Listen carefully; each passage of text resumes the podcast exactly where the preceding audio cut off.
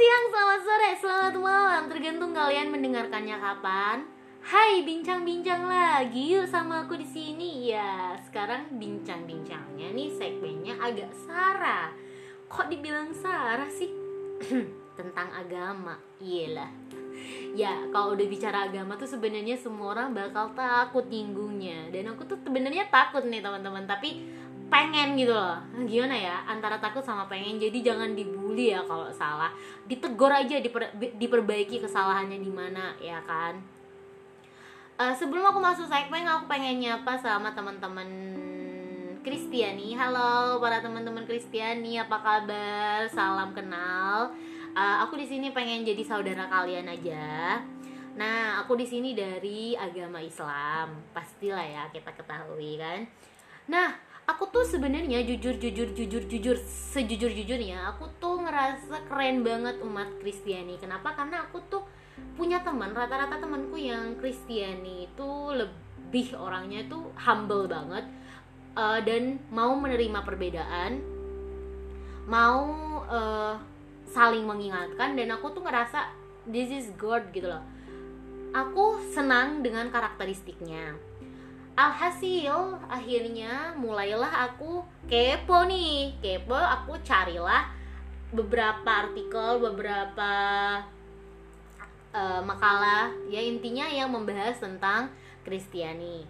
Tentunya nih tentunya yang aku cari adalah tentang Yesus.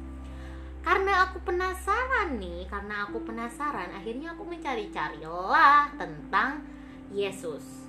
Sang Yesus subhanallah banget subhanallah Kenapa aku di sini mengatakan subhanallah? Ternyata kisahnya dalam cerita agamaku itu juga memiliki versinya sendiri nih teman-teman. Jadi ada sendiri dan ternyata tokoh ini juga sangat dikagumi di Islam.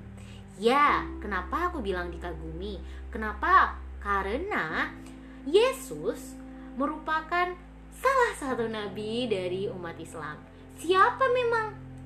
Yaitu Isa alaihi wasallam ya mungkin udah banyak orang yang tahu tapi ya gak apa-apa ya aku bahas ya.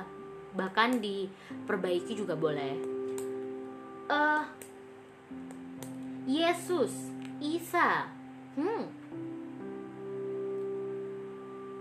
Di sini ada kesamaan cerita di antara tokoh yang sangat luar biasa ini. ini versi agamaku.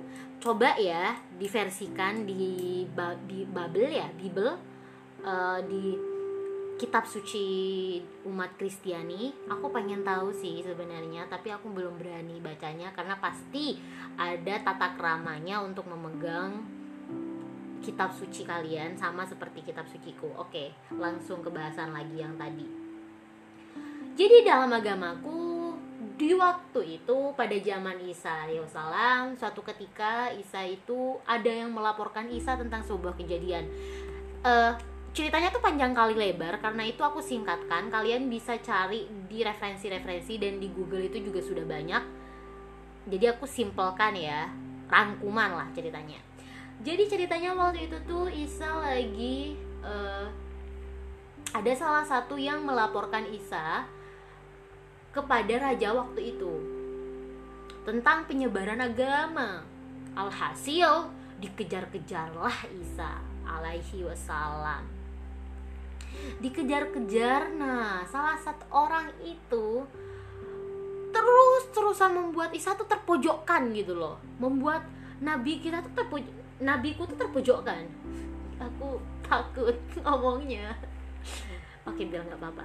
Terpojokkan Alhasil, Allah memberikan keputusan orang yang melaporkan Isa dan memojokkan Isa diserupakanlah dia sama dengan rupa Aisyah alaihi wasallam di waktu itu. Nah dan Isa diangkat ke langit oleh Allah Subhanahu wa taala. Nah, terus setelah itu yang dipacung, yang disalib itu adalah orang yang melaporkan Isa kepada raja sebelumnya. Menangislah semuanya. tapi sejujurnya sampai sekarang ada lagi nih ada lagi yang disebutkan bahwasanya Isa itu sampai sekarang belum wafat dan uh, saat beliau turun ke bumi maka saat itulah kiamat hampir dekat dan sampai saat ini Isa masih hidup itu sih kisah dari aga, dari agamaku.